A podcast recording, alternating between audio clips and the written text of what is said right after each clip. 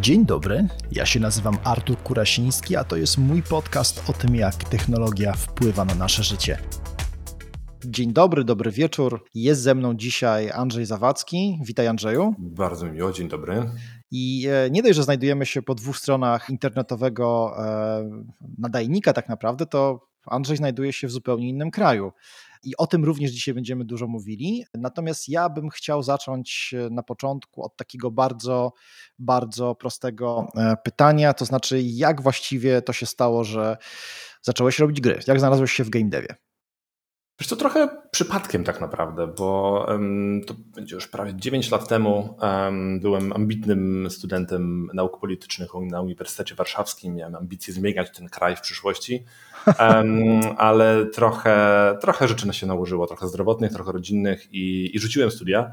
Miałem taki czas, kiedy przez parę miesięcy nie za bardzo wiedziałem, co ze sobą zrobić i pamiętam, że trafiłem na kurs, zresztą chyba którego nawet ty byłeś autorem na samym początku, albo, albo takim operującym, głównym operującym. E, Digital Frontier to się wtedy nazywało, mhm. Który był takim wstępem do, do game devu, w ogóle trochę do świata game devu, pokazaniem tego, jak to się naprawdę robi. I, i pamiętam, że taki strasznie zajarany, jako taki 20-21-latek, stwierdziłem, super, to jest to, co chcę robić, gry, to przecież jest moje marzenie. I e, no, było to super przeżycie, nie będę ukrywał, aczkolwiek e, przez pierwsze dwa czy trzy spotkania z deweloperami bardzo dużo moich marzeń e, zostało roztrzaskanych, gdyż robienie gier okazało się nie idyllicznym siedzeniem i, i, i, wymyślaniem cudownych rzeczy, które automatycznie się dzieją, tylko, tylko ciężką harówką. Było to super doświadczenie, bo, bo, bo pozwoliło mi tak naprawdę mogę określić się, czy chcę to robić na dłużej, czy nie. I potem jak skończyłem ten kurs, zaaplikowałem do CDP-u, do CD Projektu na pozycję testera. Trochę w zasadzie na dziko, bo nie miałem ani doświadczenia w branży, ani doświadczenia w ogóle w żadnej pracy, bo to była moja pierwsza praca w życiu.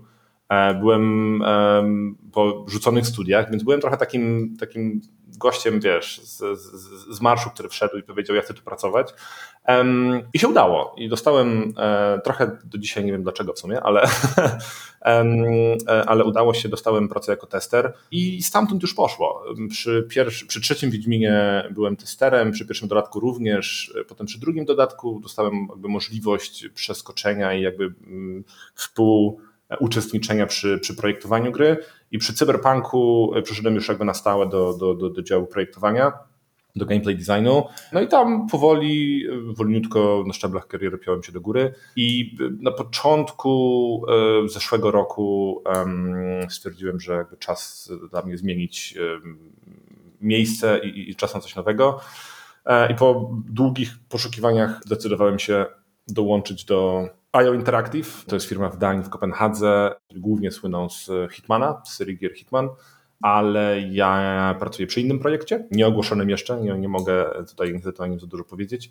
Jest to duży AAA-owy, e, multiplayerowy projekt, więc jestem strasznie zajarany tym, co robimy. Czyli twoja kariera na chwilę obecną e, potoczyła się dosyć gładko, no bo tak, e, nawet nie mając skończonych studiów, ba, to nie były studia nawet kierunkowe, zapukałeś do drzwi jednego z większych polskich studiów, udało ci się uzyskać tam pracę nabrałeś doświadczenia. Na jakim poziomie kończyłeś właśnie? Czym się zajmowałeś ostatnio? Jaki był twój oficjalny tytuł w CDP? Mój oficjalny tytuł to był główny projektant rozgrywki.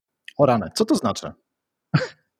Oj, to jest bardzo um, nie tak łatwujące. Generalnie to, czym zajmują się projektanci rozgrywki, gameplay i game designerzy, to jest wymyślane, wymyślanie wszystkich um, zasad gry de facto. Nie? Używając takiego trochę prostszego przykładu, nie wiem, wyobrazimy sobie grę Monopol. Nie? Mhm. Monopol myślę, że grali wszyscy, e, to jakby pracą game designera jest wzięcie wszystkich mechanizmów, które tam są, czyli pobierania pieniędzy, mhm. tak, płacenia za działki, poruszania się, sposobu poruszania się, bo na przykład to, że kośćmi się poruszasz, to jest też również część e, naszej pracy, czyli wymyślanie się, dlaczego akurat kości, a na przykład nie karty, albo pokazywanie palcami i tak dalej, i tak dalej. Zbieranie tych wszystkich razem do kupy rzeczy i kreowanie z tego gry. Wiadomo, że przy grach komputerowych jest to zdecydowanie bardziej skomplikowane, bo ilość dependencji, które są pomiędzy, pomiędzy rozgrywką a częścią wizualną, story, questami, strukturą, silnikiem, tysiącem różnych rzeczy jest, jest to niebo bardziej skomplikowana, ale tak long story short, to de facto tym zajmują się, się game designerzy. I to też nie jest tak, że oni siedzą i sami wymyślają i dłubią sobie rzeczy. Jakby też dużą częścią pracy designera jest zbieranie informacji, pomysłów i, i, i też jakby podążanie za kierunkiem wyznaczonym przez, przez, przez czy reżysera projektu, czy dyrektora rozgrywki. Zbieranie tych wszystkich rzeczy i w jakiś sposób ciosanie ich do tego stopnia, żeby, żeby pasowały do projektu i do produktu, który próbujemy zrobić. Nie? Mhm, Więc okay. kiedy kończył się Cyberpunk, było nas trzech głównych projektantów, każdy zajmował się swoją działką. Ja zajmowałem się głównie elementami E, tak zwanymi RPGowymi, ja to bardziej nazywam ścieżką, jakby drogą gracza, czyli progresja postaci, wszystkie umiejętności, atrybuty, itemizacja, crafting, e, tego typu rzeczy. E, no ale wiadomo, że wszystkie te elementy gdzieś się przenikają, więc gdzieś tam miałem zamoczone swoje palce jeszcze w innych, w innych rzeczach. Mhm. A powiedz mi, bo szedłeś, sam powiedziałeś, trochę mając głowę nabitą ideałami takim, no kurczę, ciężko zweryfikować coś, o, o czym się tak naprawdę nie wie, no bo się zna tylko z opowieści. Poszłeś po raz pierwszy do, e, pracowałeś w, e, w dużej firmie, w dużym studiu game devowym. Powiedz mi, e, dlaczego, czy wiedziałeś, jaką ścieżkę chcesz obrać? To znaczy, na przykład byłeś od samego początku pewien, że na przykład nie będziesz tykał się grafiki, a chciałbyś zarządzać projektem albo właśnie zajmować się game design? Czy dopiero to się wykształciło w trakcie twoich, twoich nie wiem, bycia tam testerem? E, wiesz co, nie, jak dołączyłem do CDP-u, to w zasadzie w ogóle byłem trochę przerażony i zafascynowany tym, że, że dostałem pracę i że mogę pracować i że, że mogę testować gry i wydawało się to, wiesz, być marzeniem. Myślę że, myślę, że bardzo dużo osób w ogóle marzy o tym, żeby testować gry. Taki krótki disclaimer, nie jest to taka prosta praca, jak się wszystkim wydaje. Jest to zdecydowanie cięższa, cięższa robota niż, niż, niż, duża, niż duża ilość osób myśli, że jest. Ale nie, nie miałem kompletnie pojęcia, czym chcę się zajmować. Yy, tykałem się różnych rzeczy. Myślałem trochę o level designie, trochę o questach, o pisaniu story w którymś momencie. Wszystko to były rzeczy, które gdzieś sam sobie yy, dłubałem i grzebałem. Gdzieś myślę, pod koniec projektu zaczął mi się wykształcać taki, um, taka myśl, że kurczę, te, te rzeczy związane z, z progresją, jakby kształceniem się gracza na przestrzeni gry, to jest fajne, to jest, podoba mi się. Problem polegał niestety na tym, że mm, nie miałem żadnych twardych skilli, to znaczy nie umiałem programować, miałem znikome pojęcie o organizacji e, struktur danych. Wszystkie te rzeczy były dla mnie czarną magią, więc musiałem to nadrobić i miałem bardzo dużo szczęścia, że, że, że dwóch innych designerów, którzy mnie przyjęli pod swoje skrzydła, którym bardzo dziękuję do dzisiaj, bo gdyby nie oni, nie byłoby mnie tu, gdzie jestem. E, nauczyli mnie tego wszystkiego, znaczy pozwolili mi uczyć się od nich, patrząc to, jak oni pracują, tłumacząc mi, dlaczego takie decyzje są podejmowane, a podejmowane, a nie inne. Zaczęło się od prostych rzeczy, typu naprawienie prostego błędu tu czy tam. E, potem jakby zagrzebywałem się głębiej w kodzie i w skryptach e, i w którymś momencie byłem na tyle sprawny w tym, że mogłem robić te rzeczy sam, otwarcie już wiedząc, że projekcie kończy, mówi, powiedziałem, że, że, że, chcę spróbować swoich sił, chcę spróbować jakby dodać coś do, do zespołu E, game designu i, i czy firma jakby jest gotowa wyjść mi naprzeciw. Była, za to, też, za, to, za to też jestem jej bardzo wdzięczny. Tak się potoczyło, więc trochę przeszedłem od osoby, która kompletnie, dosłownie nic nie kumała o niczym, do jakby osoby, która jest w stanie sobie spokojnie poradzić. Mówię, teraz pracuję w innym miejscu i jakby te umiejętności, których nabrałem tam, przeniosły się bardzo dobrze. A czy jest tak, że faktycznie trochę zahacza o, o to bycia tym testerem, bo faktycznie wielu osobom wydaje się, że to jest bardzo przyjemna działka. Nie ukrywam, ja przynajmniej, że e, znam ludzi, którzy lubią testować gry, lubią znajdywać błędy, wskazywać i być, e, być takimi pierwszymi, którzy właśnie patrzą i oceniają. Natomiast to jest po prostu ogromna katorżnicza praca. Czy jest tak, że na przykład e, w trakcie pierwszych miesięcy, albo może inaczej lat nawet pracy w, w CDP-ie, na przykład, nie wiem, grałeś namiętnie w gry, chcąc właśnie zobaczyć, na czym polega warsztat i jak możesz e, lepiej odnaleźć swoje miejsce w strukturze, albo nie wiem, słuchać jakichś podcastów. Jak, jak się dokształcałeś, jak zdobywałeś jeszcze wiedzę poza tym, że czy jeśli w ogóle to robiłeś, czy po prostu wystarczało ci to, co miałeś e, jako, jako pomoc na przykład właśnie kolegów i koleżanek z pracy? E, wiesz, tak naprawdę to nie byłem wtedy jakoś super zainteresowany branżą. Znaczy, branża wydawała się dla mnie strasznie przerażająca. Ten cały świat wydawał się trochę przerażający. Ja raczej byłem skupiony na tym, żeby nauczyć się nabrać jak największej ilości umiejętności. Więc to, co robiłem wtedy, to jeśli dobrze pamiętam, to było Unity, które sobie ściągnąłem. To jest jeden z darmowych dostępnych silników na rynku, jeden z mocniejszych tak naprawdę i takich bardziej przyjaznych użytkownikowi. I zacząłem sobie tam grzebać. Próbowałem robić jakieś swoje proste prototypy, jakieś małe proste gry z różnym skutkiem, ale jakby to był dosyć dla mnie taki poligon doświadczalny, gdzie mogłem zobaczyć, czy, czy, czy, czy to, o czym myślę w kontekście jakiegoś fajnego projektu, no jakiś, nie wiem, czy feature, czy, czy jakąś małą grę zadziała, czy nie. No i również szkolić się, no bo wiadomo, że żeby robić grę samemu musisz mieć jeszcze więcej umiejętności niż kiedy pracujesz w dużym zespole. Więc te umiejętności, których nabierałem w firmie, byłem w stanie potem przenieść e, na moje własne projekty i tam w domu uczyłem się jeszcze więcej, co z kolei przynosiłem do firmy, więc jakby to był taki, taka pętla e, w zasadzie mm, napędza, sama napędzająca się, gdzie, gdzie uczyłem się i zdobywałem coraz więcej wiedzy. Kurczę, to było 9 lat temu będzie, więc też jakby świat podcastów nie był aż tak rozwinięty.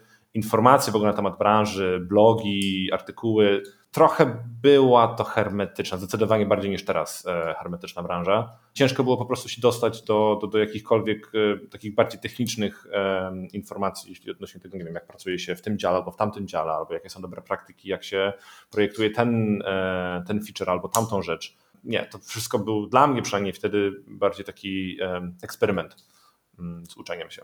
Mhm.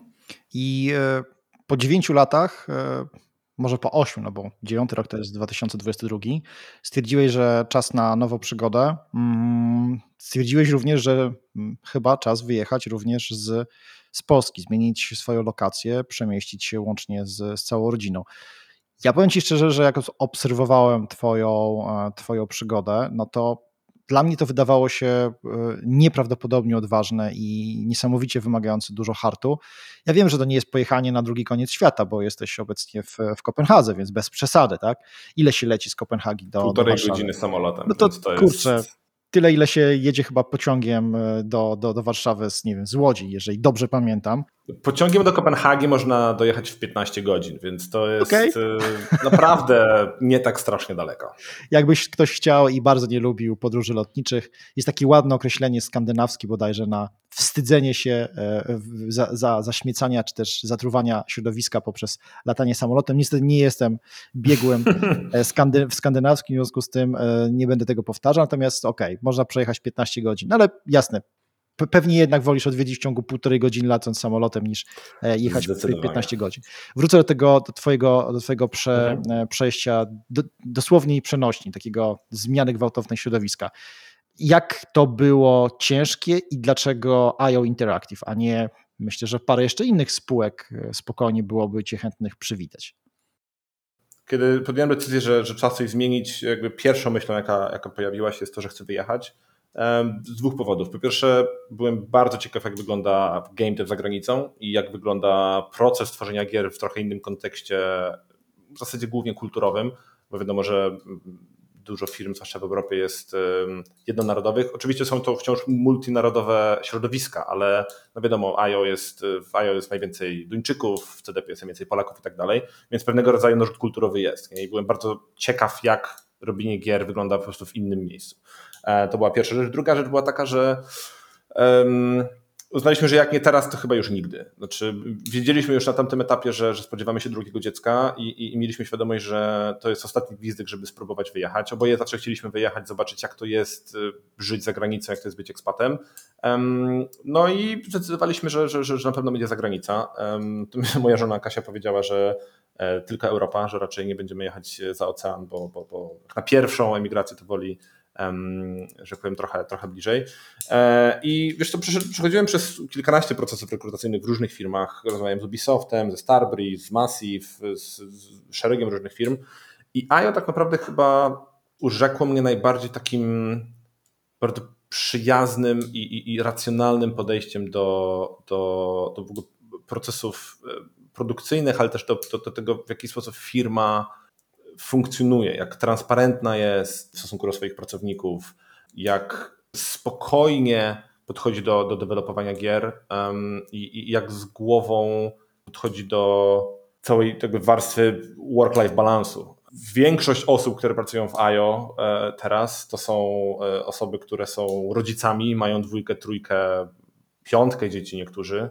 Są to osoby, które pracują tam kilkadziesiąt lat, zostały tam i są w tym miejscu, więc jakby to dla mnie jest znak, że to jest miejsce, które musi robić coś bardzo dobrze, jeżeli ludzie chcą tam wciąż być i chcą tam pracować. Nie?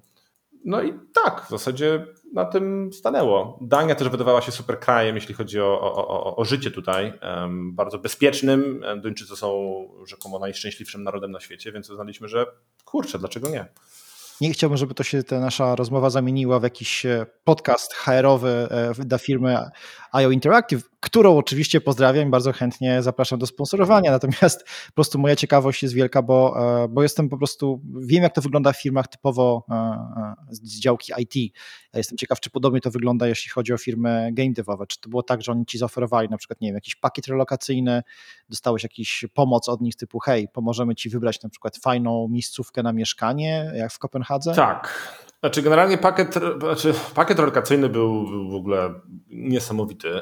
No i podeszli do tego dwutorowo. Pierwsza część tego była związana stricte z relokacją nas, z przeniesieniem nas z Polski do Danii załatwieniem wszystkich dokumentów, e, wszystkich formalności, e, jakby przeprowadzeniem nas przez w ogóle procesy związane wiesz, z służbą zdrowia, rejestrowaniem się do lekarza, jakby operowaniem w urzędach, taki trochę training operacyjno-kulturowy, żebyśmy w ogóle wiedzieli, w czym żyjemy. I jakby tym zajmowała się jedna firma, którą, którą AIO, z którą AIO współpracowała. Mieliśmy dedykowaną osobę do kontaktu z nami, która odpowiadała na wszystkie nasze pytania o, jakby, o każdej porze dnia i nocy. I to było niesamowite przeżycie. Udało nam się znaleźć mieszkanie. To też był czas, kiedy COVID szalał, więc my mieszkanie tak naprawdę szuka, mieszkania szukaliśmy przez internet. W sensie my szukaliśmy mieszkania Nina, czyli ta kobieta, która nam pomagała, będąc w Kopenhadze, jeździła po tych mieszkaniach i robiła nam wideokonferencje pokazując mieszkanie, więc to w ogóle był, wiesz, jakiś kompletny wow. kosmos. E, ale udało się, znaleźliśmy super lokum, jesteśmy mega zadowoleni, jest świetna okolica, jest pięknie, jakby pod tym względem jakby cudo. A i jakby to było coś, czego w zasadzie się spodziewałem, bo wiem, że dużo firm tak działa. Druga rzecz natomiast, która dla mnie była dużym zaskoczeniem, to było w ogóle zaopiekowanie się e, moją żoną. Znaczy była specjalna firma wynajęta, której jakby reprezentantka zajmuje się tym, żeby spouses, czyli de facto drugą połówkę osób zatrudnionych, trochę wprowadzić w taki krąg osób, które są w podobnej sytuacji i zbudować trochę taki krąg społeczny, również oferując rzeczy takie jak konsultacje związane z pracą, nie wiem, jeżeli przynosisz się jako HR-owiec z jednego państwa do drugiego, to pomożemy ci e, jakby trochę nawiązać kontaktów tutaj w branży, pomożemy ci jakby trochę przeszkolimy cię trochę w tym, jak, jak w ogóle dania działa, też żeby mieć taki jakby coaching kulturowy, że tu nie zostawimy cię samej, nie?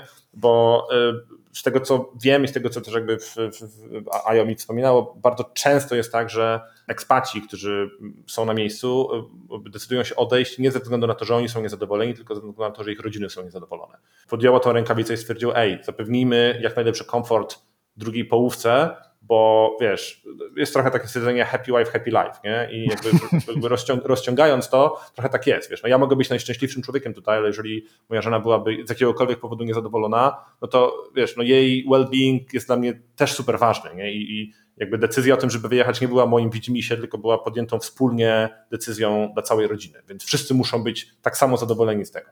No to faktycznie zaskoczyłeś mnie, bo spodziewałem się, że tak, że pomoc będzie, że ktoś wam, was przeprowadzi przez świat podatków, e, wypełnienie papierków, takich najprostszych rzeczy, ale to, że firma dba o to, żeby mąż czy żona osoby, która przeprowadza się, czy właściwie podejmuje pracę, również e, mogła znaleźć pracę i być osobą, która ma wszystko poukładane, Hmm, to jest taki poziom abstrakcji, którego bym chyba nie wymyślił, i to musi faktycznie wynikać z dużych i głębokich e, e, przemyśleń albo po prostu doświadczeń takich teamów, które, które łapią obcokrajowców, czy w ogóle zapraszają ludzi spoza swojego kręgu kulturowego. Ciekawe, odnotowałem sobie to w głowie, zapamiętam i będę pytał przy okazji, czy to wygląda podobnie w, w, innych krajach.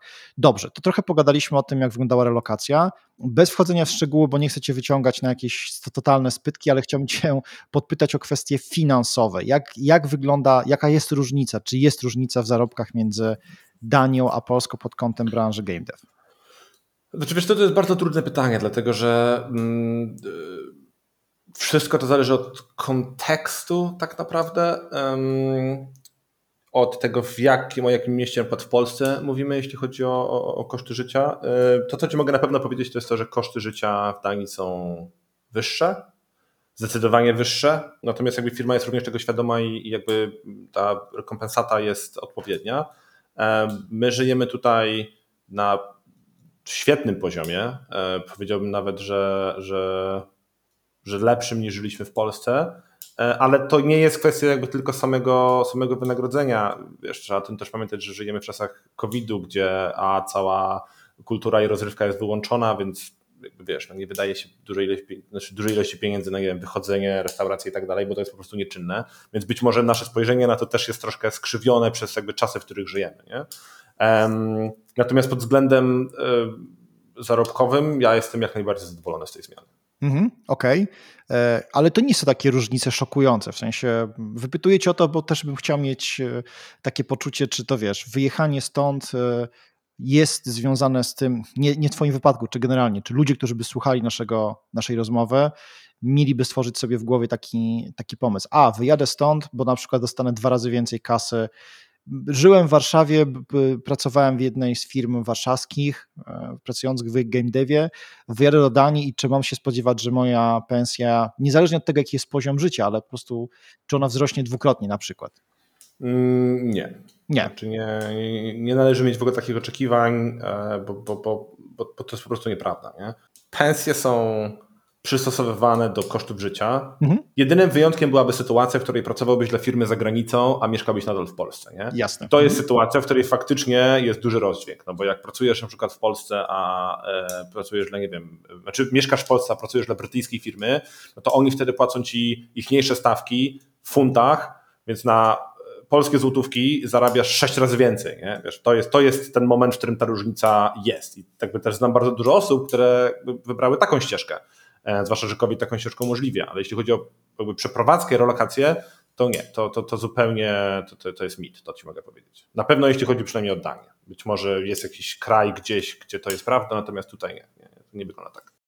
Właśnie staram się znaleźć w głowie, czy taki kraj na chwilę obecną no ciężko mi jest sobie wymyślić kraj, który płaciłby dwa razy więcej, tylko dlatego, że może Norwegia, może, bo tam naprawdę stawki mogą być bardzo wysokie, ale poziom życia też prawdopodobnie będzie wyższy. Tak mi się Islandia wydaje. może być takim miejscem, wiesz, o. Y, myślę. Głównie Piękny dlatego, kraj. że. Tak, to prawda. Y, głównie dlatego, że ciężko jest ściągnąć tam ludzi. Mhm. Po prostu. Gdybym miał strzelać, to myślę, że to byłby chyba jedyny, jedyne miejsce, gdzie mógłbym cokolwiek mogłoby przyjść do głowy, jeśli chodzi o miejsce, gdzie taka rzecz może mieć, e, jakby może się zdarzać, ale nie, myślę, że to jest, myślę, że to jest e, taki mit, który sami sobie gdzieś zbudowaliśmy.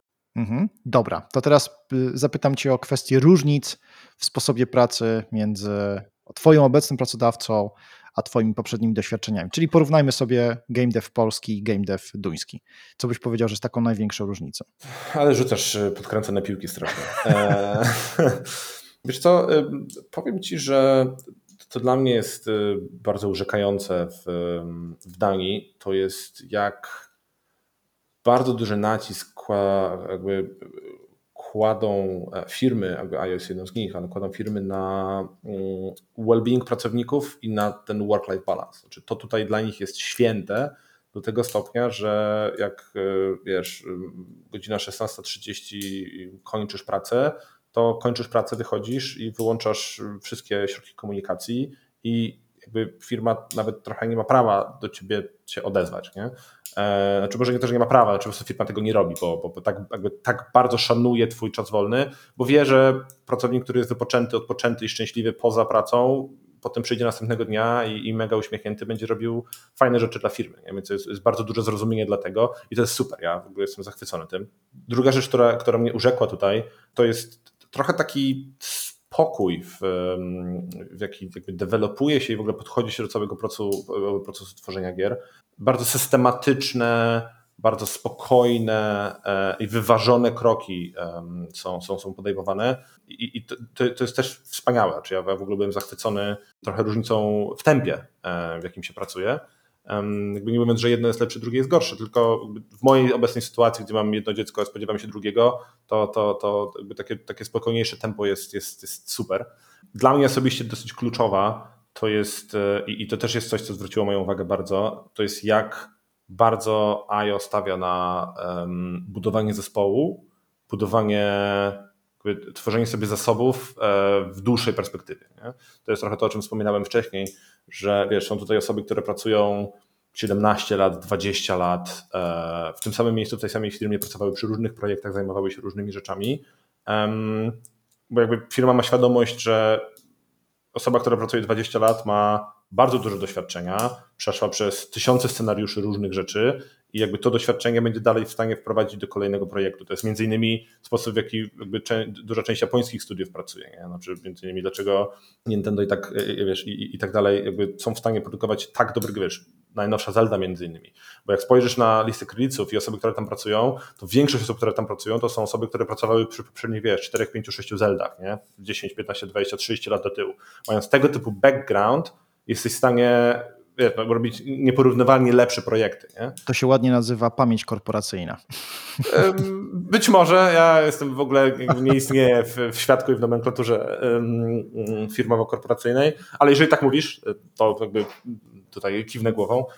Więc jakby to, to były takie rzeczy, które dla mnie, jakby na mnie zrobiły największe wrażenie i, i, i, i budzą mój bardzo duży podziw, wiesz.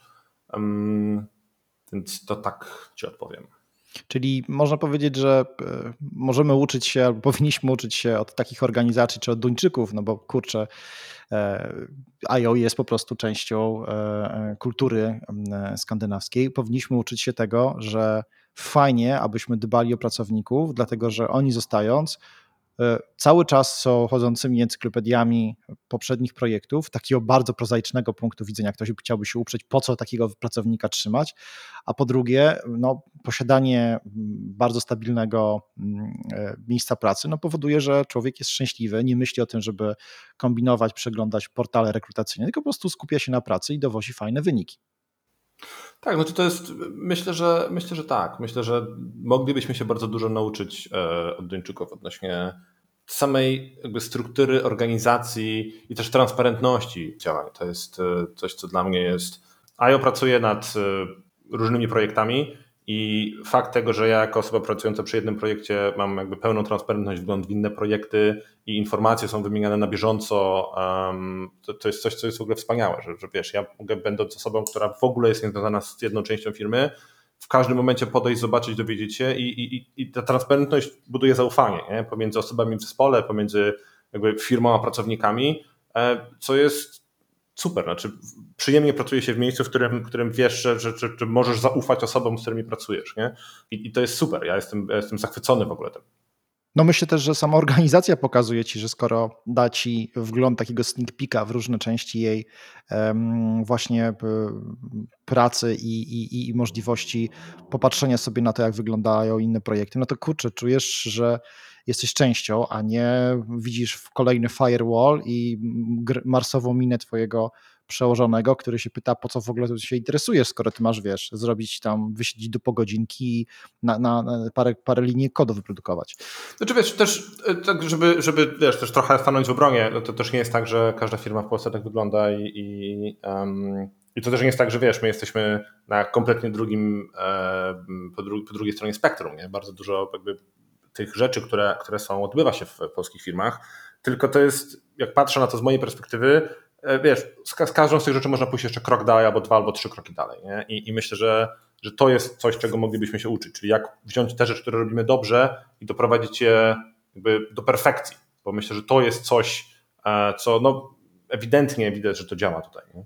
Ja powiem inaczej. Myślę, że w niektórych polskich firmach mm, przydałoby się, aby na poziomie może zarządu, może trochę niżej, ale takiego na pewno C-level managementu, pojawiły się osoby z innych państw, z bardziej z większą bagażem doświadczeń i właśnie tego typu informacje przekazywały, bo patrzę sobie na, teraz nie mam nikogo na myśli, żadnej z firm tak naprawdę, ale powiedzmy en masse sobie próbuję to e, wyobrazić, to myślę, że po prostu tak jak chociażby w świecie startupowym po stronie e, funduszy wysokiego ryzyka, jakichś startupów, tak samo i w branży game devowej, która naprawdę jest branżą bardzo mega młodą w Polsce, my nie mamy doświadczenia i my nie wiemy, co się powinno robić dobrze, a co się powinno robić źle i popełniamy mnóstwo błędów, wyważając otwarte drzwi i wymyślając koło na nowo, a te rzeczy już dawno zostały gdzieś przećwiczone i zrobione. Nie mówię, że powinniśmy wszystkie wzorce brać i kultywować, nie, nie pytać się i nie kwestionować ich, ale sądzę właśnie to, co powiedziałeś, że chociażby wskazanie takich dobrych, dobrych praktyk, które pewnie są, leżą na wyciągnięcie ręki, jak ktoś by się zapytał albo właśnie zatrudnił takiego jednego, drugiego menadżera, to on by chętnie się wyspowiadał z tego, bo to nie są jakieś tajemnice korporacyjne, spowodowałoby, że te projekty po prostu całościowo wyglądałyby zupełnie inaczej, pewnie lepiej, tak, tak domniemuję. Nie wiem, czy się ze mną zgodzisz. Znaczy, to jest, to jest bardzo skomplikowany temat i, i, i myślę, że masz rację. Myślę, że to, to zawsze też dla mnie w, w tym projekcie było super. To jest to, jak duży nacisk właśnie był kładziony na to, żeby umiędzynarodawiać, jakby starać się mieć osoby z różnych backgroundów, kulturowych, żeby, żeby jak najbardziej rozszerzać te możliwości, mhm. bo to faktycznie wpływa bardzo pozytywnie na zaufanie w firmie, bo pokazuje, że wiesz, ej, no jakby otwieramy się na wszystkich, pozytywnie działa na kreatywność i, i, i jakby na wszystkie działania um, podczas tworzenia gry. Więc to jest na przykład coś, co ja uważam, że bardzo dobrze robimy. Nie? Um, jakby to zawsze było coś, co, co, co, co super działało. To jest taki aspekt, co do którego zgadzam się z tobą, ale nie wiem, bardzo, bardzo ciężko jest mi to złapać, wiesz? Bardzo mhm. ciężko jest mi to złapać. Też nie chcę, wiesz, też nie chcę brzmieć jak, jak, jak jakaś wyrocznia, bo wiesz, no ja mam 9-10 lat branży, czy lat w branży, więc ja też nie jestem jakimś um, super wielkim wyjadaczem, patrząc na osoby, które w branży są, wiesz, 2, 3, 4 razy więcej czasami. Um, więc myślę, że jeszcze też dużo przede mną lekcji i być może część z tych rzeczy, o których mówię, to jest coś, co za 2-3 lata stwierdzę, że nie, to jednak była, to był w ogóle błąd i tak nie powinno być. Um, ale na ten moment to jest to, przy czym jakby y, będę, będę stał i przy czym będę obstawał, że, że tak, moim zdaniem e, byłoby lepiej, w tym, w tym kierunku lepiej byłoby iść, o tak. Mhm, jasne. Powiedziałeś już to, co prawda, więc nie będę się ciebie pytał, jak to wygląda w Danii, mam zamiar zapytać siebie o ciebie o, o crunch, także wiadomo, że o 16 wyłącza się światło i, i tyle, więc tam crunchu nie ma przynajmniej w IO Interactive, no bo mówimy o firmie, w której ty obecnie pracujesz. Nie chcę też, żebyśmy nagle, e, ktoś by e, zaczął rozumieć, że czy też mieć poczucie, że mówimy w ogóle o, o, branży na świecie, albo w ogóle, nie daj Boże, w ogóle jakoś tak jeszcze bardziej holistycznie. Nie, mówimy o jednej, jednej spółce i to mamy jak gdyby dowód e, w postaci ciebie, który tam pracuje i powiesz z ręką na sercu, tak, bardzo często cały czas wychodzi się z pracy o danej godzinie i tyle. Natomiast w ogóle to jest takie pytanie z mojej strony, które zadaję różnym osobom z game devu, głównie polskiego, związane z crunchem. Czy to jest jednak immanentna cecha procesu twórczego i to trzeba powiedzieć, że no po prostu zdarza się, bo wiecie, kreatywność przychodzi, odchodzi, jest wena twórcza i tak dalej. Czy to jest jednak fuck up na linii e, managementu i osób, które nadzorują projekty, czyli po prostu zarządzanie nim, że trzeba jednak docisnąć w pewnym momencie pedał gazu i ludzie muszą poświęcić x godzin więcej, siedząc i zarywając weekendy i właściwie robiąc to czasami w trybie 12 e, czy więcej miesięcy. Jak, jak byś to, to, do tego podszedł? Ja mam trochę problem z crunchem taki ideologiczny, dlatego że mam wrażenie, że y, bardzo często o crunchu mówi się w sposób dosyć spłycony. Znaczy mówi się, o, jest ciężko, musimy usiąść, zasuwać i coś, coś się stało i teraz trzeba za, wiesz, za, do, do, dołożyć wszelkich starań, żeby projekt został dowieziony i tak dalej, i tak dalej. Znaczy, mi bardzo zależałoby na tym, żeby w ogóle trochę bardziej otwarcie mówić o tym, czym crunch jest i z czego się bierze Czyli to nie jest jakaś taka, wiesz, jakiś tam taki magiczny byt, do którego zwracamy się jak do wyroczni, kiedy rzeczy idą nie tak, tylko to jest jakby jeden z efektów, jedna z reakcji na, mówiąc najprościej, zbyt dużą ilość pracy w zbyt krótkim czasie. Nie? I teraz tak naprawdę pytania, które powinniśmy, powinniśmy sobie zacząć zadawać, to jest dlaczego ilość pracy rośnie do tego stopnia, że jest nieogarnialna i dlaczego ten czas albo się kurczy, albo te deadlines, które mamy, przesuwają się w sposób nie, jakby niekontrolowalny. Nie?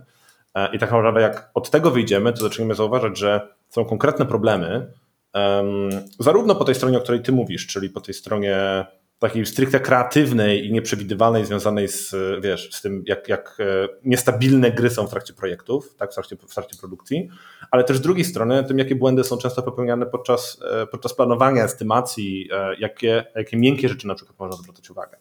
Um, moim zdaniem prawda leży gdzieś po środku. To znaczy, um, niezależnie od tego tak naprawdę, czy, czy, czy więcej powodów leży po tej kwestii związanej z, z, wiesz, z eksplozją skopu i tym, że nagle próbujemy, nie wiem, do takiej gry jak Doom dorzucić tryb stealthowy i ścigałkę czy cokolwiek, bo z jakiegokolwiek powodu to robimy, co oczywiście powoduje, że ilość pracy rośnie niebotycznie, czy to jest kwestia tego, że nie wiem, mamy niedziałającą technologię, albo mamy niedziałające narzędzia, albo po prostu ktoś się pomylił przy estymacjach, to jakby niezależnie od tego, w którym miejscu jesteśmy, crunch tak naprawdę jest ostatnią rzeczą i ostatnią, ostatniego, ostatniego rodzaju odpowiedzią, która powinna się zadziać. Dlatego, że scope zawsze jesteś w stanie zmniejszyć i ściąć. To nie jest tak, że jakby bardzo rzadko jesteś w sytuacji, w której nie da się już ściąć nic. Jak doszedłeś do sytuacji, gdzie e, nie da się już ściąć nic i musisz wciąż jakby wsadzić zespół w gigantyczny crunch, to znaczy, że duża ilość problemów została popełniona po drugiej stronie, po stronie planowania. Nie?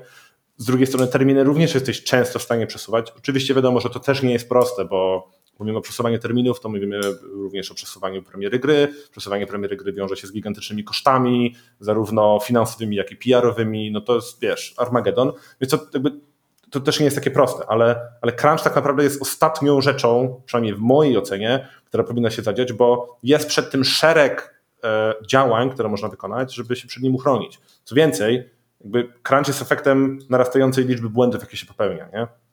Więc jeżeli nie zwracasz uwagi na popełnianie tych błędów i jakby ignorujesz je, no to jasnym jest, że w którymś momencie staniesz pod ścianą. Więc tak naprawdę to, czy to jest kwestia, wiesz, nieprzewidywalności yy, i jakby takiego wesołego tworzenia i ups, nagle musimy robić zbyt dużo, czy, czy porażka osób zarządzających projektem, ciężko jest mi powiedzieć, tak naprawdę jednoznacznie. Myślę, że to bardzo dużo zależy od tego, o jakim projekcie mówimy, o jakiej firmie mówimy, o jakim segmencie mówimy, czy to są, wiesz, nie wiem, AAA, bo to też w różnych miejscach w AAA wygląda różnie. Um, to jest bardzo grząski grunt i bardzo niejednoznaczny temat, więc ja, ja wolałbym raczej jakby nie wyciągniesz ze mnie odpowiedzi, czy to jest, wiesz, A czy B, bo, bo ja nie uważam, że to jest tak proste jak A i B. Patrzysz też, y, pewnie obserwujesz i rozmawiałeś też i w Polsce, nie wiem, czy, czy, czy to jest akurat temat, którym, y, którym się dzielisz i na, na temat którego rozmawiacie w, w IO.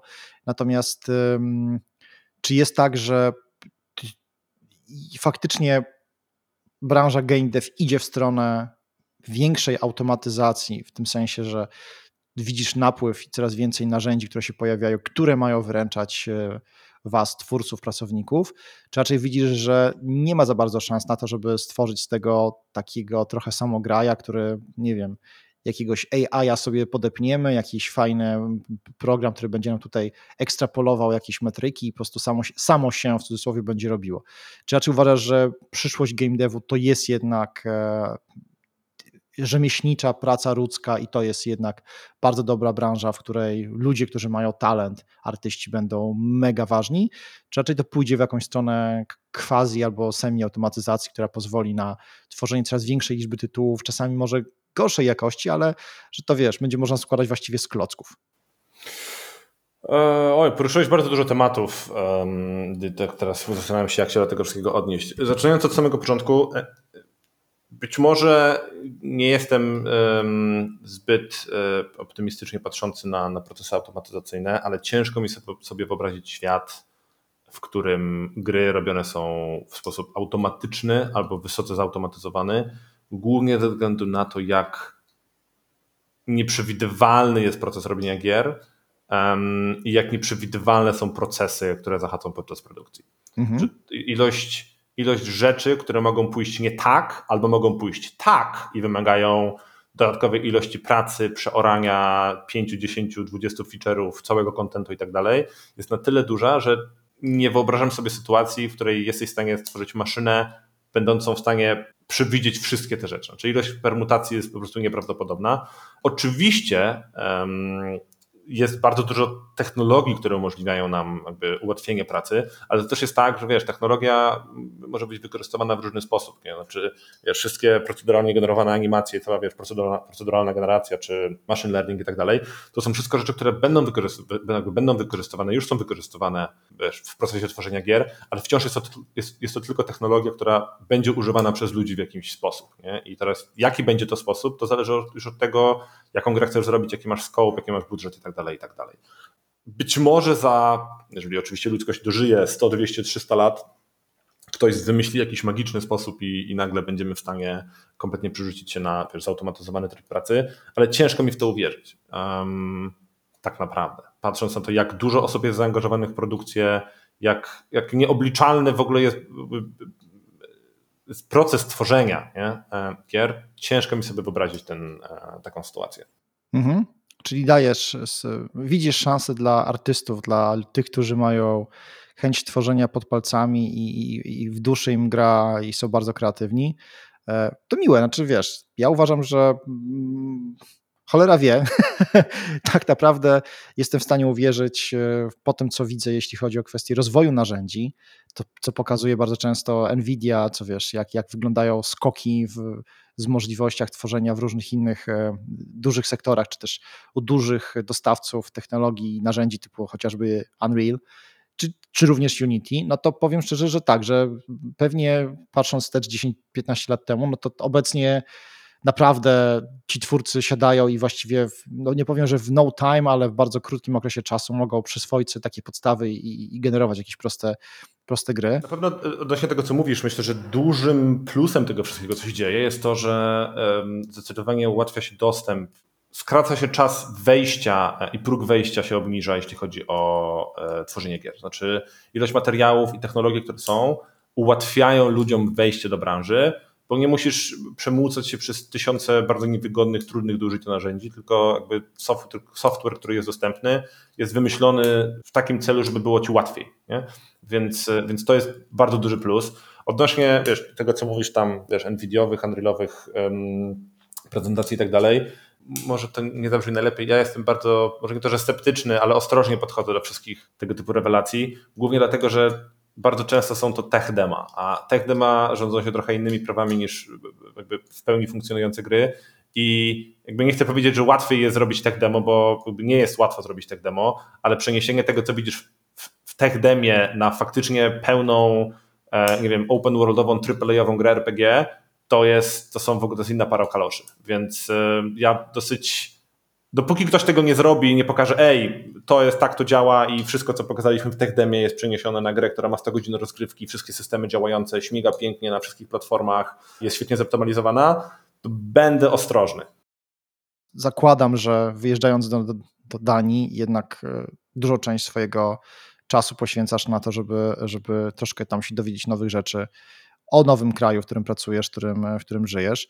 Powiedz mi, jak odbierasz to, co dzieje się w Polsce obecnie, czy też od tego czasu, kiedy wyjechałeś, z perspektywy obecnie osoby, która no de facto jest emigrantem, znaczy Wiadomo, że nie mówimy o jakiejś emigracji w stylu e, wielkiej emigracji, nie jesteś Adamem Mickiewiczem na wygnaniu, żyjącym w Paryżu i piszącym sonety e, i tudzież inną literaturę. Natomiast e, no pewnie trochę jesteś, masz, masz dystans do Polski, do tego, co się dzieje.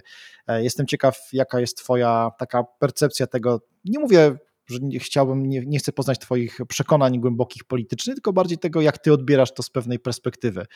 Czy, czy te, te informacje, które Ci docierają, dają Ci podstawę do tego, żebyś myślał o powrocie, czy, czy raczej wbrew przeciwnie? Mm, nie. znaczy, nie, nie, nie będę zostawiał tutaj, wiesz, jakby nie chcę zostawić tutaj pola do, do, do, do jakiejś interpretacji. Y, nie. Znaczy, jeżeli pytasz o to, czy kiedykolwiek planujemy wrócić, Wiesz, nie chcę mówić nigdy, bo może się zdarzyć tysiąc rzeczy i, i, i oczywiście, wiesz, jest, jest, nikt, są wybory w przyszłym roku. Będzie tak, pięć lat temu nikt nie, nie, spodziewał się, że będziemy mieli globalną pandemię i cały świat będzie zamknięty, więc nie chcę mówić nigdy, ale jeżeli nasza sytuacja będzie dalej wyglądała tak, jak wygląda, a będzie się nawet tylko polepszać i nie zdarzy się nic, co nas zmusi do powrotu, szczerze wątpię, żebyśmy kiedykolwiek wrócili. Um, i to nawet nie jest, nawet nie dlatego, że wiesz, to, to teraz dzieje się w kraju jest jakoś dla nas niepokojące, bo nie ukrywam, że Zdarzają nam się momenty, kiedy tęsknimy za Polską, ale ja, dla mnie najprostszym sposobem jest e, zrobienie sobie prasówki i odpalenie kilku polskich portali, przeczytanie wiadomości w zasadzie z każdej strony, bo staram się naprawdę czytać z, z, jakby ze wszystkich stron e, spektrum politycznego newsy i od razu mi przechodzi. Znaczy od razu mam taką myśl, że fajnie, że jesteśmy tutaj, fajnie, że tu mieszkamy, jest, jest dobrze. Nie odbieramy tego super pozytywnie i to, co dla mnie na przykład jest chyba nawet jeszcze bardziej przygnębiające w tym wszystkim, to wiesz, niezależnie od jakby preferencji politycznych, to co się teraz dzieje, kiedyś się skończy, tak? Niezależnie od tego, czy podoba się komuś to, co się teraz dzieje, czy się nie podoba. I miejsce tych osób zajmie jakby kolejna grupa. Dla mnie największy problem jest taki, że z grup, które w tym momencie są, że tak powiem, na rynku, żadna z nich nie wygląda zachęcająco. Znaczy nic z tego, co widzę w tym momencie na spektrum, na, na, na, scenie politycznej, nie powoduje, że a, jak oni wygrają wybory, to wracam, bo będzie lepiej. Znaczy to wszystko dla mnie przynajmniej wygląda jak trochę taki relikt przeszłości. Nie? I, i, I, to jest dla mnie największy problem, bo wiesz, moje życie szpal licho, nie? Ja sobie wiesz, ale mam dzieci i chciałbym dać im jak najlepsze możliwości, jak najlepszą edukację, jak najlepsze warunki, tak? I, i ja naprawdę mam takie poczucie, że nawet jeżeli e, przyjdzie jakaś ekipa e, po tym, po rządzących obecnie i stwierdzi, dobra, to odwracamy to wszystko i robimy to kompletnie w drugą stronę, to chaos, jaki zapanuje, będzie gigantyczny. Niestety wiesz, że jakby Często bywało w historii tak, że przychodziła jedna ekipa, robiła coś, przychodziła druga, odkręcała to, przychodziła trzecia ekipa, odkręcała to jeszcze raz i, i tworzyło to, wiesz, no, chociażby cała afera z gimnazjami i tak dalej. To jest cały czas, wiesz, kręcenie się trochę w, w kółko i robienie reformy, reformy, reformy. Prawda jest taka, że jak patrzę na przyszłość mojej córki, to chyba wolałbym trochę stabilniejsze, e, jakby stabilniejszą sytuację i w krajach skandynawskich aż tak gigantycznych skoków nie masz. To jest na przykład coś, co bardzo nas przyciągnęło Popatrzyliśmy też na Szwecję, ale, ale w sumie bardziej do Danii. Bo, bo ta przyszłość rysuje się w trochę bardziej stabilnych, e, w stabilnych, cieplejszych barwach. I to w zasadzie jest chyba główny powód, dla którego jakby nie planujemy wrócić, bo, bo mówię, nawet jak to się skończy, to, to co będzie, to, to, to, to pójdzie za tym, również nie wygląda zachęcająco.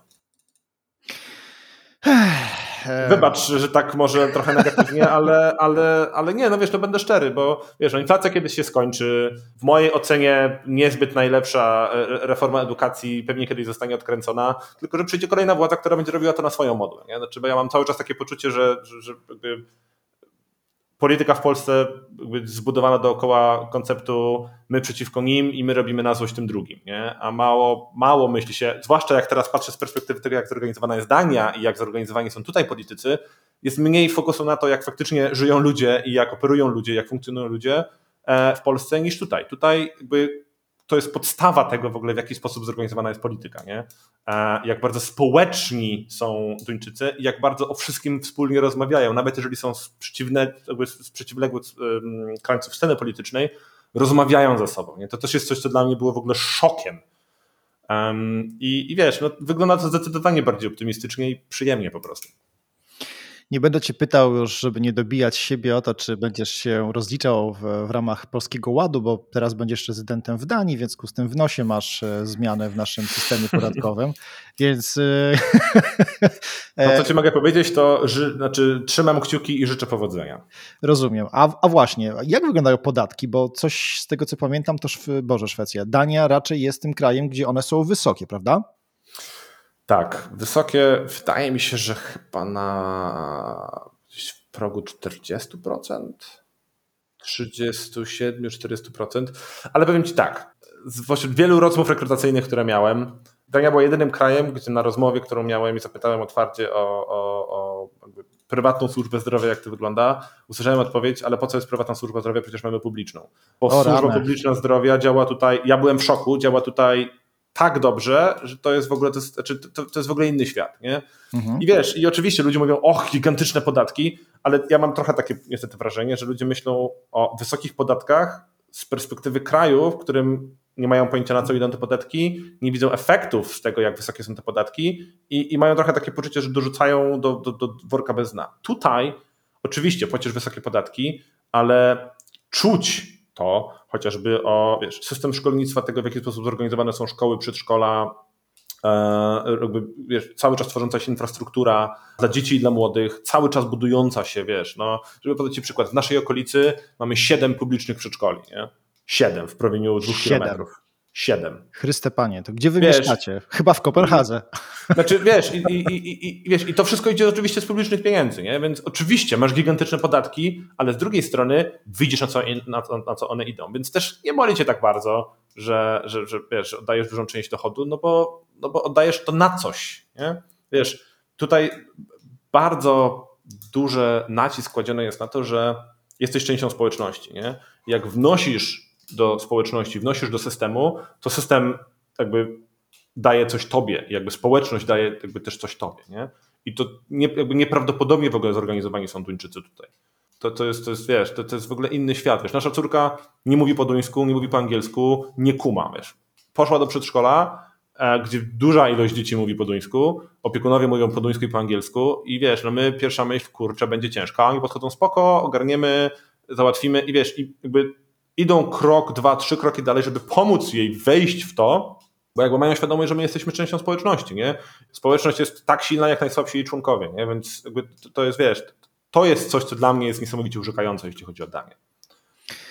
Hmm. Nie wiem, chyba napiszę do ambasady duńskiej, że e, właśnie zwerbowaliśmy paru, paru e, repatriantów lub też e, właśnie rezydentów, bo jest niewiarygodne, co mówisz. Z punktu widzenia obecnego, nie tylko obecnego, myślę, że nawet jakbyśmy się cofnęli 10 czy 15 lat, czy 20 lat do tyłu, to to, co mówisz, wydaje się tak koszmarnie inne i taką ziemią obiecaną i tak nieprawdopodobnie normalne, że to jest dla mnie przerażające, że ja w ogóle strasznie to mnie dotyka, że tak można żyć i w ten sposób można funkcjonować. I widocznie zaczynam powoli rozumieć, bo tak samo pozdrawiam Bartka Pucka, który mm, przeniósł się niedawno, e, no niedawno, chyba z jakieś pół roku temu albo nawet dłużej już do, do Szwecji. I mówił mi podobną rzecz, że w błyskawiczny, krótkim okresie czasu, odcinku czasu, doznał takiego olśnienia, że wszystko to, co słyszał o Danii, przepraszam, o Szwecji, jest zupełnie inne, dlatego że on no, wiedział, że to jest jakiś kraj Unii Europejskiej, tam to samo co w Polsce, tak? Kupujesz sobie w hipermarketach, masz też Ubera, kablówkę, masz Netflixa, ale właśnie poziom życia organizacji, państwa, społeczności, e, układów między ludźmi. Okej, okay, jasne, Szwedzi są zimni, wynieśli, bla, bla, bla i tak dalej, ale to, że ludzie są normalni, żyją normalnie i są dla siebie uprzejmi, mili, i kurczę, tam po prostu chcecie się żyć. I to jest ten element, który jest takim smogiem, który w Polsce cię spowija, ty nawet sobie z, z niego nie zdajesz sprawy, dopóki stąd nie wyjedziesz. I wtedy nagle mówisz, Jezu, o tym nie muszę myśleć, to już mnie nie dotyczy, to mam kompletnie w nosie. Kto tam kogo podkopuje, mam to kompletnie gdzieś. Ja po prostu pracuję, mam czas dla swoich znajomych, dla rodziny i czuję się lepszy, fajniejszy i szczęśliwszy. Hm? Tak, to jest, to, to jest to, o czym mówisz, znaczy super, super w punkt to, to, to ująłeś, bo, bo właśnie takie, takie olśnienie trochę, że ej, jakby można inaczej, nie? Po prostu można inaczej. I, i, i oczywiście wymaga to wysiłku, no bo nie będę ukrywał, wiesz. Ja mówię o tym, jak wspaniale jest, ale wiesz, wyjazd nie jest prostą decyzją, nie? No bo zmieniać się całe życie, musisz przyprogramować wszystko dookoła, żyjesz w kraju, gdzie języka nie rozumiesz. Swoją drogą wszyscy w Danii mówią po angielsku, co dla mnie było nieprawdopodobne. Dosłownie wszyscy na przykład lekarze muszą mówić po angielsku, jakby w ogóle warunkiem zaliczenia i dostania specjalizacji jakikolwiek jest to, że, że mówisz po angielsku i musisz zdać egzamin. Więc wszyscy lekarze mówią po angielsku. Wszystkie pielęgniarki mówią po angielsku. Nie? Wszyscy pracownicy szkół i e, przedszkoli mówią w jakim stopniu po angielsku, mniejszym lub większym, ale mówią, bo jakby wiedzą, że mają międzynarodowych, potencjalnie międzynarodowych podopiecznych. To są takie drobne rzeczy, nie? które obserwujesz i masz takie, a no przecież oczywiste. Nie? Oczywiste, że wszyscy lekarze muszą znać angielski, bo jak przyjdzie ktoś z zagranicy, to muszą być w stanie go ogarnąć. Ale wiesz, z mojego doświadczenia prawie 30 lat życia w Polsce, to, to nie było takie oczywiste. Nie? I dopiero zobaczenie, że tak się da, było takim, a okej, okay, czyli można. Nie?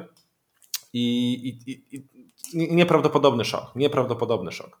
Inną rzeczą też jeszcze a propos, bo jest to, że fakt tego, że nie mówimy w języku tutaj miejscowym, yy, trochę nam ułatwia, bo wiesz, odchodzi nam śledzenie, znaczy nawet jakbym chciał śledzić wszystkie informacje, które są, to mogę albo używać Google Translate'a, który z różnym skutkiem tłumaczy rzeczy, albo używać portali dla ekspatów, które też, wiesz, filtrują bardzo dużo informacji, więc też informacje, które do nas spływają, już nie są tak szczegółowe i to też pomaga, bo jakby, jakby odchodzić taki straszny szum, związane z tym, że a, bo ten zrobił temu, ten powiedział temu, ten napisał do tego, ten zrobił to, nie?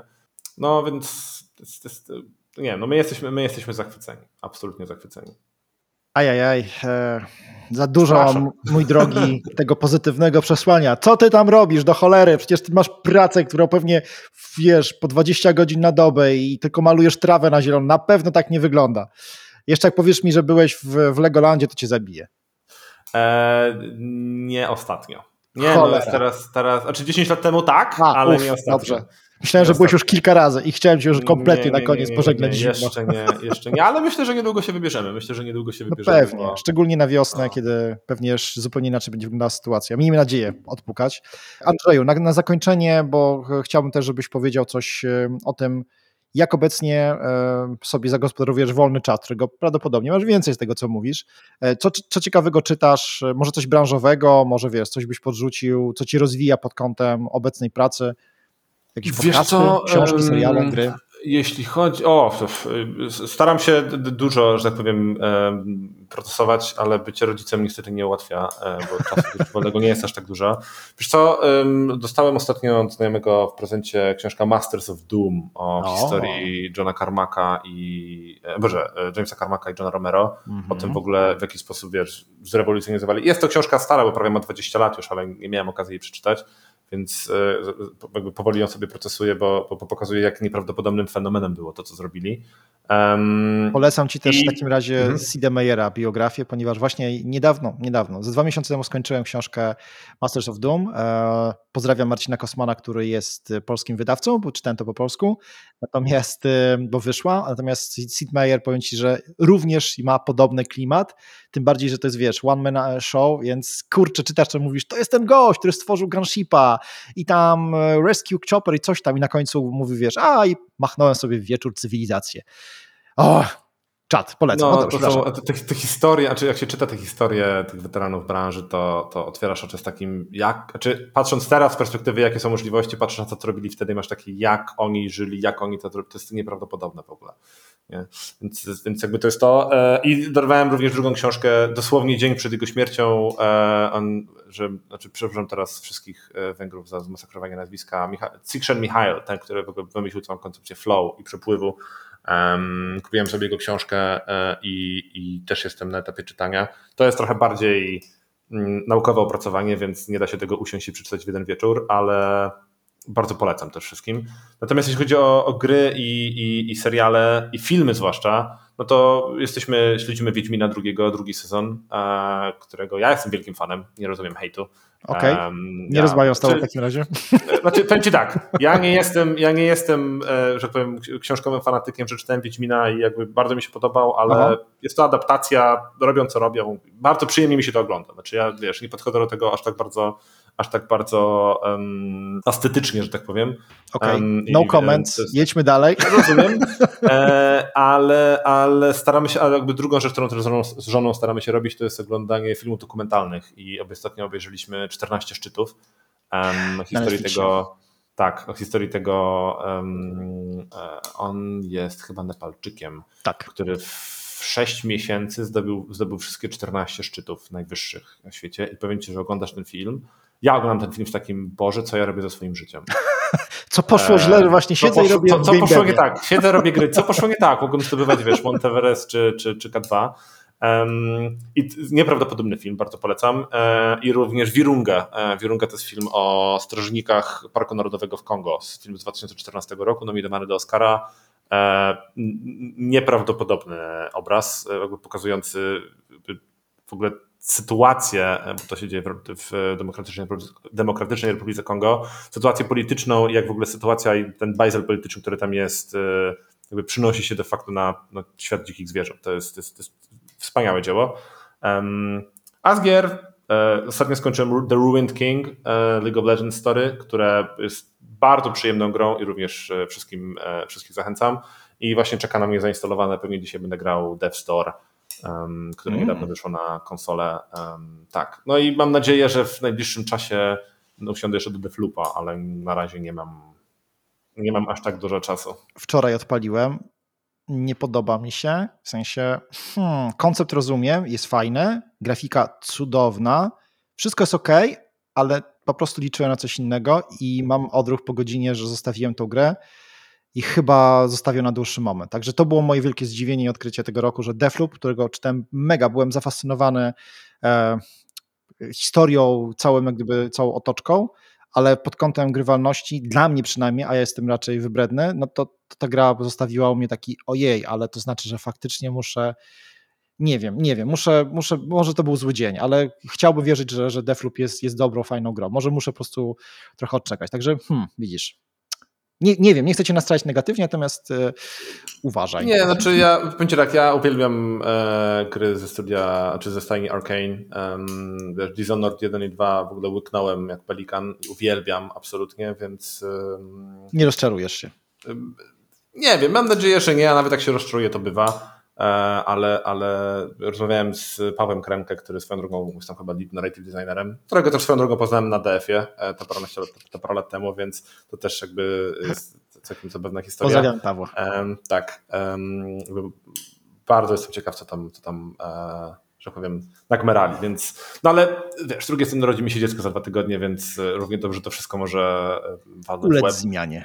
Elden Ring wychodzi, nowy Horizon wychodzi, mm -hmm. Sifu wychodzi, mm -hmm. więc y, będę pewnie grał. Aczkolwiek, jak urodziła się moja córka, to to był jedyny czas, kiedy miałem tak dużo, tak, tak dużo przestrzeni, że skończyłem całego God of War'a, całego Spidermana, Into the Breach i coś jeszcze, nie pamiętam, praktycznie w półtora tygodnia, bo siedziałem z nią na rękach, trzymałem pada w ręku i grałem A, cały okay. czas.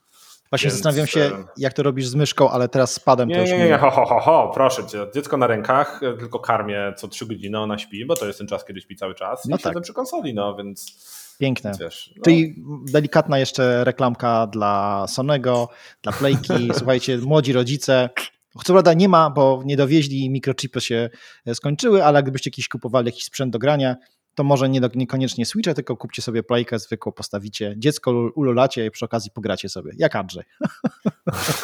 Switch jest też świetny dla młodych rodziców, to mogę powiedzieć. Jest, jest naprawdę doskonałą konsolą. Ja potwierdzam, moje dzieci grają na Switchu. Jest to sprzęt mobilny, dosłownie przenośni, po prostu w samochodzie rozstawiamy, jak jest, gdzieś jest, na przykład jedziemy na Airbnb, dorywamy do, do telewizora, które wszystkie właściwie już mają HDMI, w związku z tym wszystko podłączamy, pyk, pyk i dzieci sobie grają na dużym ekranie, a ja trochę mam wywalone na to, że normalnie musiałbym targać właśnie Xboxa albo Playkę, w mhm. związku z tym dzieciaki są w siódmym niebie. Mario Kart, e, Pokémony, cudo. Nie ma, nie ma, nie ma innych lepszych gier. Andrzeju, bardzo Ci serdecznie dziękuję, ponieważ e, minęła godzina. Na tyle się umówiliśmy, nie chciałbym Cię zatrzymywać, tym bardziej, że u Ciebie czas jest obecnie bardzo, mm, e, powiedziałbym, drogocenną walutą. Szanowni słuchacze, słuchaczki, był ze mną dzisiaj i dzielił się swoimi wnioskami e, Andrzej Zawadzki. Teraz posłużę się Twoim profilem LinkedInowym, Senior Game Developer w IO. Dobrze powiedziałem? Senior Game Designer. Senior Game Designer. No i widzisz, i tutaj faktycznie w takim razie źle przeczytałem, czyli moje okulary muszę, muszę poprawić, dioptrię. Mm, Senior Game Designer w IO. Wystarkowałem Cię i, i, widzę Twój profil. Kurczę, bardzo Ci dziękuję Andrzeju. Życzę powodzenia, szczególnie w dziękuję. tych nadchodzących e, kilku tygodniach. No i potem to już będzie z górki, jak rozmawialiśmy przed rozpoczęciem nagrania. I kurde, e, ja bym ci jednak życzył, żebyś ty jednak wrócił do nas, wiesz. Ja wiem, że to tak brzmi na razie mm, mało fajnie dla ciebie, ale myślę, że twoja wiedza, doświadczenie i spojrzenie, już nie tylko podejrzewam, jeżeli chodzi o branżę game devową, będzie, będzie mega, mega cenne. Więc ja bym sobie życzył, abyś ty kiedyś jednak stwierdził, że sytuacja na tyle się poprawiła, że życie w Polsce jest dla ciebie e, no przynajmniej jakimś wyzwaniem ponownie i fajną perspektywą. Ale jak zostaniesz e, w Danii, to cóż, no, ojczyzna Lego, Andersena, fajne rzeczy tam też są, więc myślę, że za bardzo narzekać nie będziecie. Zobaczymy. Będzie tak, life finds a way, więc e, wszystko się może zdarzyć. Dokładnie. Jeszcze raz wielkie dzięki za dzięki. E, spotkanie się i pogadanie. Życzę Ci, Tobie i Wam powodzenia i mam nadzieję, że się jakoś usłyszymy za jakiś czas jakimś małym, małym update'em.